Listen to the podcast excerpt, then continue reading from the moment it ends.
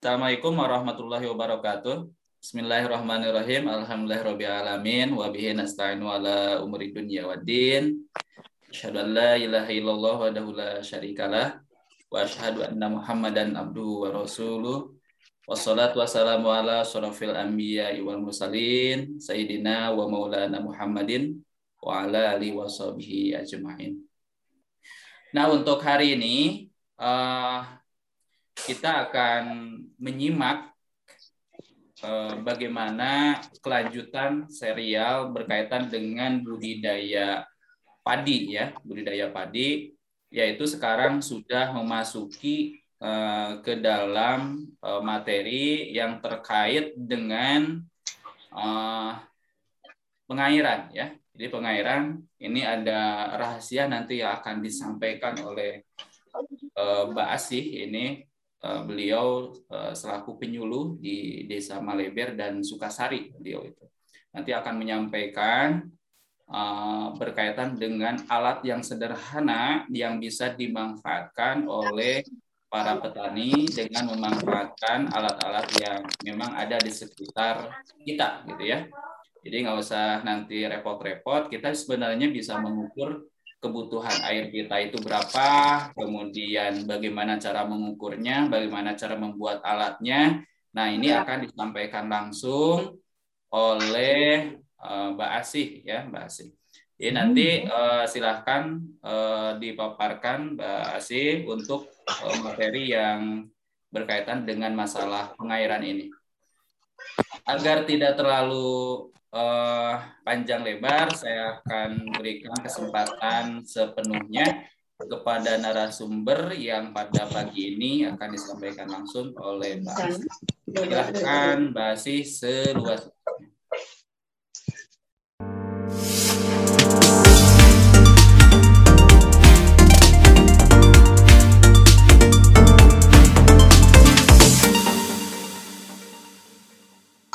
Assalamualaikum warahmatullahi wabarakatuh. Waalaikumsalam warahmatullahi wabarakatuh. Sebelumnya, eh, Alhamdulillahirabbil alamin, puji syukur marilah kita senantiasa kita curahkan kepada eh, Allah Subhanahu wa taala yang pada kesempatan pagi ini kita masih bisa diberikan kesempatan untuk menghadiri acara rutin yaitu Kulupui yang diadakan oleh BPP Kecamatan Karangtengah. Salawat serta salam semoga senantiasa tercurah pada suri tauladan kita Nabi besar Muhammad Sallallahu Alaihi Wasallam. Uh, sebelumnya saya memperkenalkan diri, nama saya Asi Dewi Setiawati. Saya di BPP Kecamatan Karangtengah uh, membawa apa mendampingi Wilbin Desa uh, Malebel dan Desa Sukasari.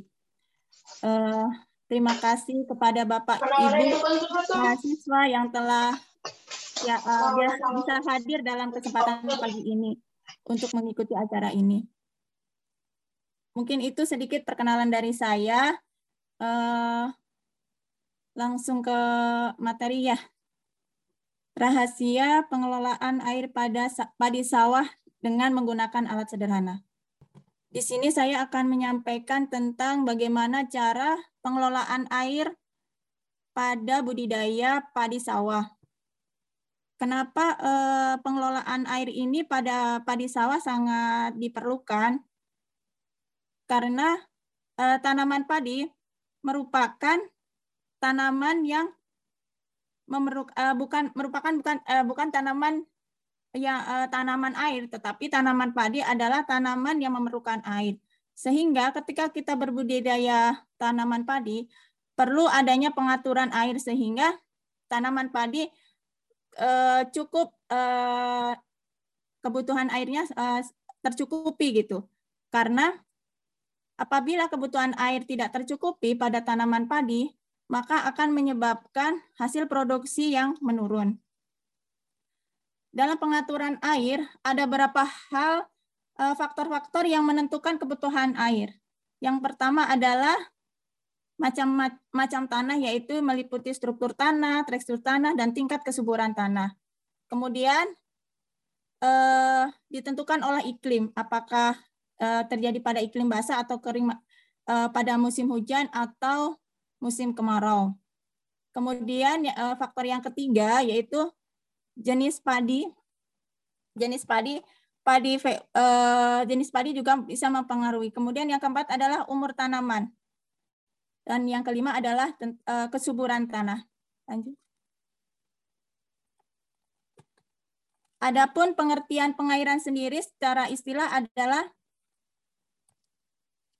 suatu usaha mendatangkan air dengan membuat bangunan dan saluran untuk sawah atau ladang-ladang dengan cara uh, teratur dan membuangnya yang tidak ketika tidak dipergunakan lagi. Atau pengertian pengairan bisa juga diartikan dengan memanfaatkan dan menambah sumber air dalam tingkat tersedia bagi kehidupan tanaman. Lanjut. Nah, teknik pemberian air pada padi sawah eh, ada ada tiga teknik, yaitu eh, yang pertama adalah teknik irigasi terus-menerus, kemudian teknik irigasi secara rotasi, kemudian yang ketiga adalah teknik irigasi berselang. Eh, ketiga teknik ini memiliki kelebihan dan kekurangan masing-masing. Untuk teknik irigasi terus-menerus, kelebihannya yaitu akan menekan pertumbuhan gulma.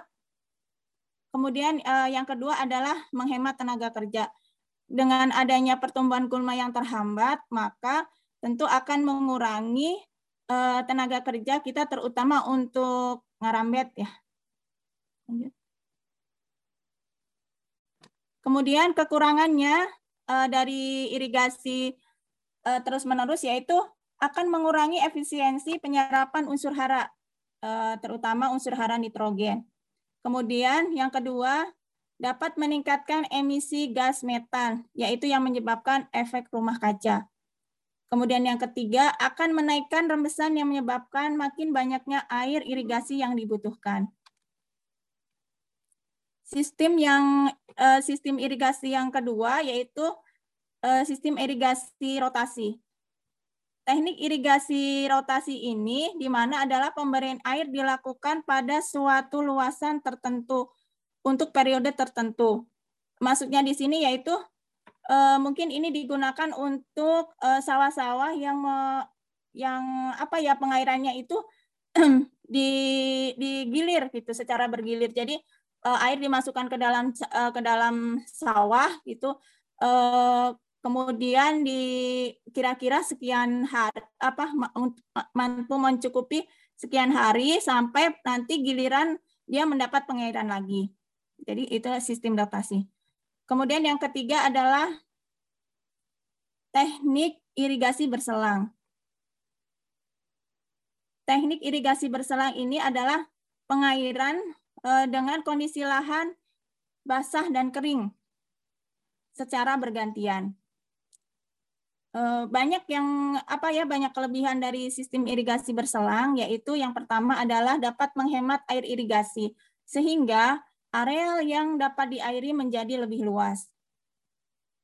Kemudian yang kedua, memberikan kesempatan kepada akar tanaman untuk mendapatkan udara sehingga dapat berkembang lebih dalam jadi perputaran uh, udara di dalam tanah itu seimbang ketika uh, karena kondisi air yang tidak terlalu banyak. Kemudian yang ketiga, mengurangi timbulnya keracunan besi.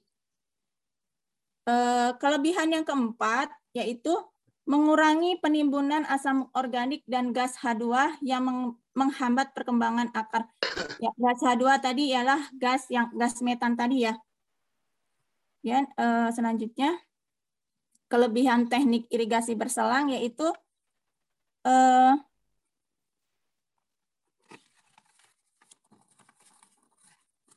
selanjutnya Pak, selanjutnya Pak yaitu mengurangi kerebahan. Mengurangi kerebahan yang keenam mengurangi jumlah anakan yang tidak produktif. Yang ketujuh menyeragamkan anakan dan mempercepat waktu panen memudahkan pembenaman pupuk ke dalam tanah, dan memudahkan dalam pengendalian hama dan penyakit. Itu uh, kelebihan dari uh, pengairan secara berselang.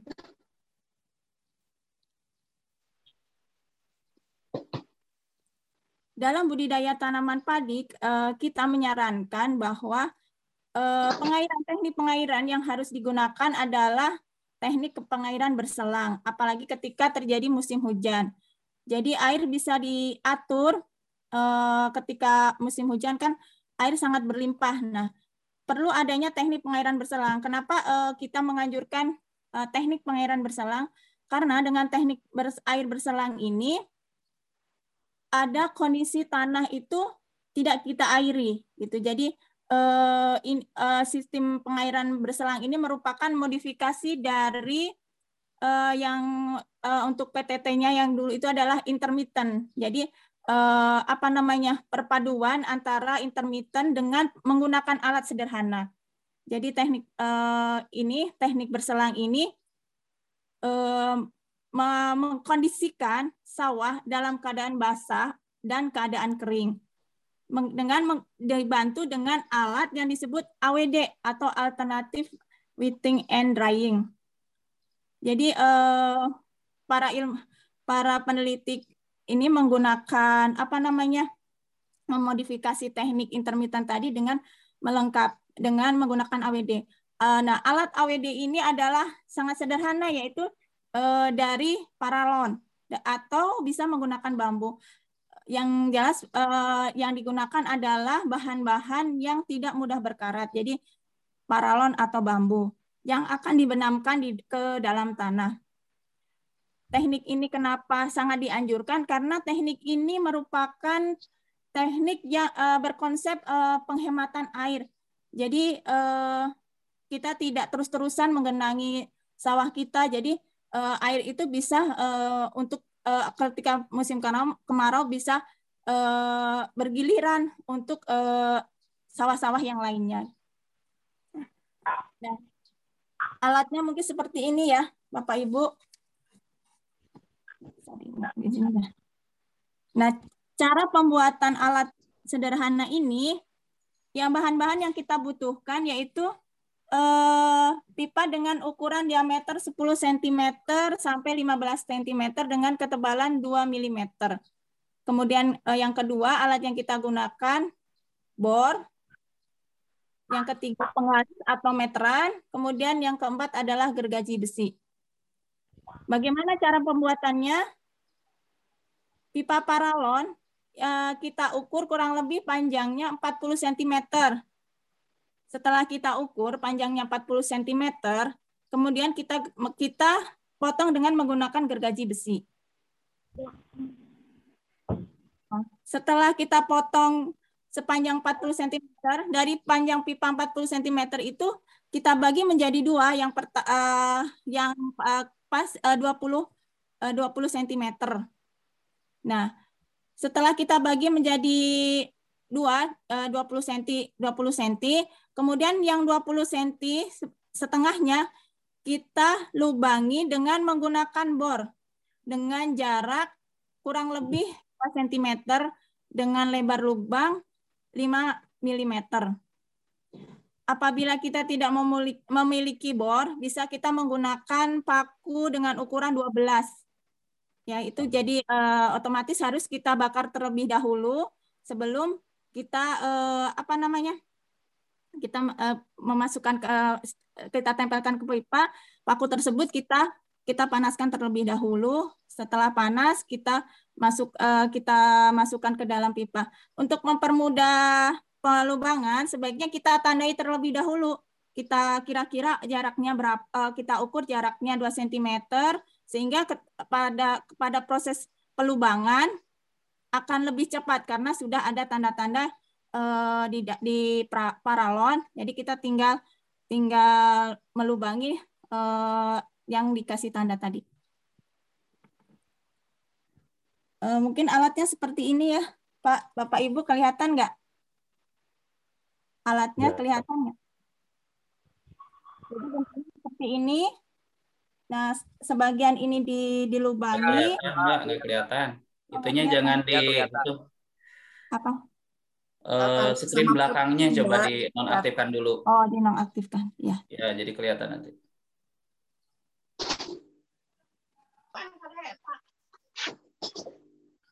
screen belakangnya. Nah, itu kelihatan. Udah. Udah kelihatan? Kelihatan? Kelihatan nggak Bapak Ibu? Kelihatan nggak Bapak Ibu alatnya? Ah, Kelihatan Pak, kelihatan.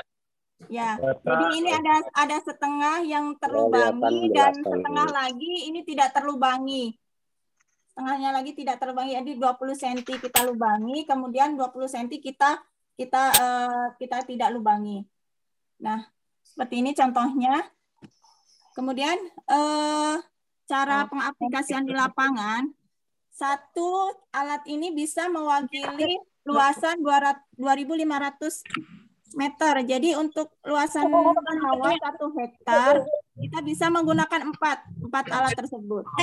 Tapi pada keadaan eh, apa namanya lahan sawah yang ada kemiringan ya, ada agak miring itu kita bisa menggunakan saat eh, delapan. Jadi lebih lebih banyak karena mungkin karena apa namanya kalau lahannya agak miring itu kan tidak rata. Jadi eh, ada satu satu luasan itu Eh, ketinggian eh, ketinggian permukaan tanahnya tidak sama. Jadi diperlukan dua alat. Eh, kemudian cara bagaimana cara meletakkan alat tersebut gitu ya, cara pemasangannya atau aplikasinya di di lapangan. Alat AWD ini kita bisa pasang pada saat tanaman sebelum ditanam atau sesudah ditanam dengan cara dibenamkan di dalam tanah dengan uh, kedalaman 20 cm. Sebelum kita ini kita ukur uh, letaknya, letaknya dari uh, dari petakan tanah, petakan sawah itu sekitar 50 sampai 75 cm dari pematang sawah. Kemudian uh, paralon itu kita tekan secara vertikal ke bawah. Uh, iya, yang kita masukkan ke dalam tanah adalah bagian yang yang dilubangi ya Pak Bapak Ibu sekalian. Jadi bagian yang dilubangi yang di kita kita masukkan ke dalam tanah. Jadi bagian yang tidak terlubang di atas. Kita benamkan kurang lebih 20 cm ke dalam tanah. Eh, kemudian secara pelan-pelan kita bisa menggunakan balok atau palu untuk menekan eh, agar pipa paralon itu bisa masuk ke dalam tanah. Kemudian setelah posisi it, eh, paralon tadi kita benamkan, kemudian kita ambil tanah yang ada di dalam pipa paralon tadi sampai kedalaman 20 cm. Seperti terlihat pada gambar ya, pada gambar itu eh, setelah dipasang kemudian diukur eh, tingginya yang di yang di bawah 20 cm yang di atas permukaan 20 cm yaitu tadi bagian yang tidak terlubangi. Setelah uh, itu kemudian tanah yang ada di, di, di dalam pipa paralon tadi dikeluarkan. Setelah dikeluarkan, kita ukur kembali apakah sesuai uh, ukurannya bahwa yang benar-benar masuk ke dalam adalah sepanjang 20 cm. Uh, terus kita cek ketinggian dari pipa tadi sama nggak kanan kirinya sama nggak kalau kalau tidak sama berarti kan nanti eh, pengukurannya juga tidak akurat gitu. Jadi kalau bisa rata jadi eh, ketika pengukuran pengamatan tadi nanti jumlah apa eh, ukuran airnya sesuai gitu ya. Tidak apa namanya tidak miring gitu itunya. Kalau paralonnya miring nanti akan pengukuran tidak tepat. Gitu. Nah, ini posisi let, apa ketika paralon di, dibenamkan di dalam tanah. Yaitu posisinya seperti itu.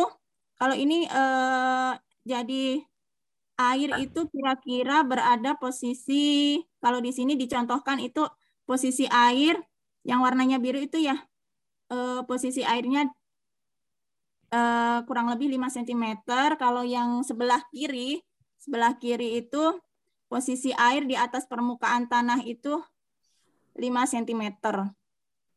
Nah, ini uh, posisi ketika alat tersebut berada di dalam tanah. Lanjut, Pak. Nah, bagaimana cara pengamatan alat alat tersebut?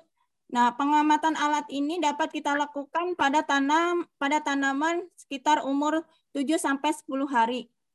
Itu pada sistem tanam tapin atau tanaman pindah dan umur 21 hari pada eh, tanaman yang menggunakan sistem tabela.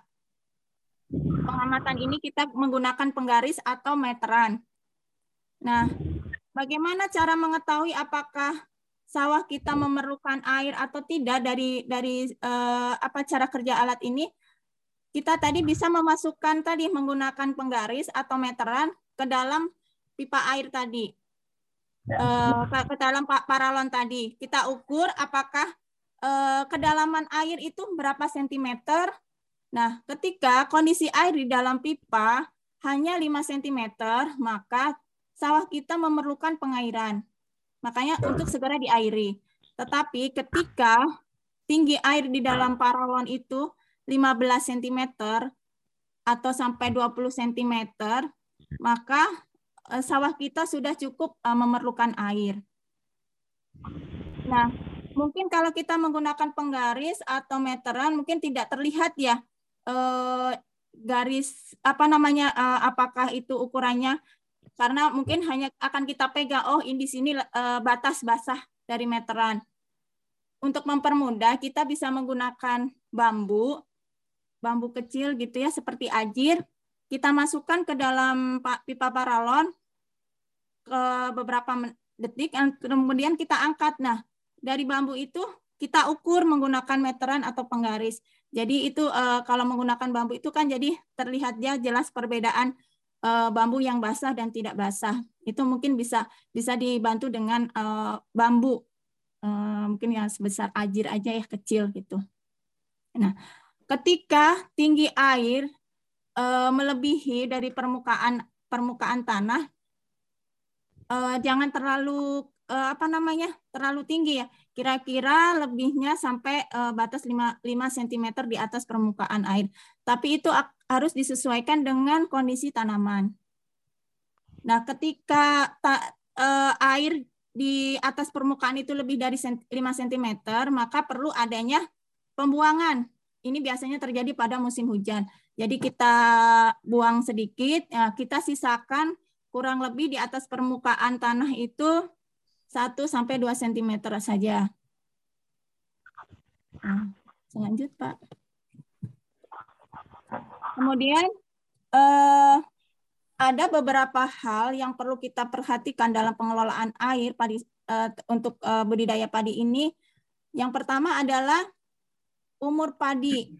Nah, umur padi pad, eh, tujuh hari setelah tanam, tanah hanya cukup diairi 1 sampai 2 cm.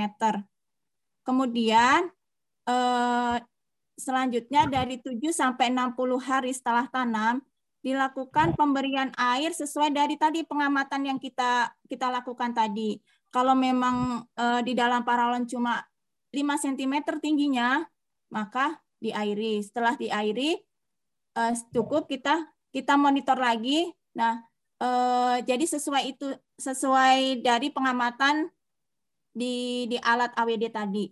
Nah, yang kedua, ketika padi berumur periode 60 hari sampai 75 hari setelah tanam, sebaiknya digenangi sampai 2 sampai 3 sampai 5 cm. Maksudnya ini 2 sampai 5 cm ini di atas permukaan tanah ya, bukan di dalam silinder. Uh, uh, bukan di, di di alat tadi ya di pipa tadi. Kalau di tadi berarti kan sudah lebih ya. Jadi di permukaan tanah itu eh, airnya kurang lebih 2 sampai 5 cm. Kemudian setelah periode 75 hari setelah tanam sampai 10 hari sebelum panen, nah pengamatannya eh, pemberian air itu sesuai dengan hasil pengamatan alat tersebut. Jadi eh, ketika air yang di ini rendah berarti kita airi. Kalau sudah cukup kita tidak perlu gitu. Ya, pengamatan ini sebaiknya dilakukan dua hari sekali. Kemudian yang keempat, yaitu periode 10 hari menjelang panen, tanaman tidak perlu diairi lagi. Jadi karena uh, proses eh, uh, 10 hari sebelum panen itu kan uh, terjadi proses pematang pemasakan padi sehingga padi tidak uh, tidak terlalu memerlukan air. Uh, ini berfungsi untuk um, agar pematangan padi itu lebih serempak. Nah, yang saya jelaskan ini mungkin eh, beda-beda ya. Ini tergantung dari umur, eh bukan tergantung, tergantung dari varietas padi yang kita tanam. Ini varietas padi yang mungkin apa namanya uh, untuk varietas padi uh, unggul varietas varietas padi unggul PUB gitu ya. Kecuali uh, yang padi lokal itu mungkin umurnya lebih panjang dibandingkan varietas-varietas uh, baru. Nah, hal-hal yang perlu diperhatikan saat menggunakan AWD ini yaitu pada saat pembuangan. Ketika kita melakukan pembuangan air, kita harus memperhatikan ketinggian air di sekitar eh, permukaan tanah, yaitu kita pertahankan tadi 3 sampai 5 cm tergantung dari kebutuhan tanaman tadi. Itu ketika umurnya 60 sampai 75 hari, berarti padi itu sangat memerlukan air, maka kita perlu eh, menggenangi sawah sampai ketinggian 3 sampai 5 cm. Kemudian pada saat pemupukan, nah kondisi sawah ini harus dalam kondisi macak-macak. Terus yang ketiga adalah eh, sawah harus segera diairi ketika pipa eh, air dalam pipa tadi terjadi penurunan sampai 15 cm atau kondisi air di dalam pipa tadi hanya 5 cm. Jadi kita harus perlu segera untuk mengairi sawah tersebut. Uh, mungkin itu yang bisa saya sampaikan pada kesempatan ini. Kurang lebihnya mohon maaf. Mungkin apabila ada pertanyaan atau diskusi, mungkin uh, nanti di forum diskusi. Uh, saya kembalikan lagi ke moderator.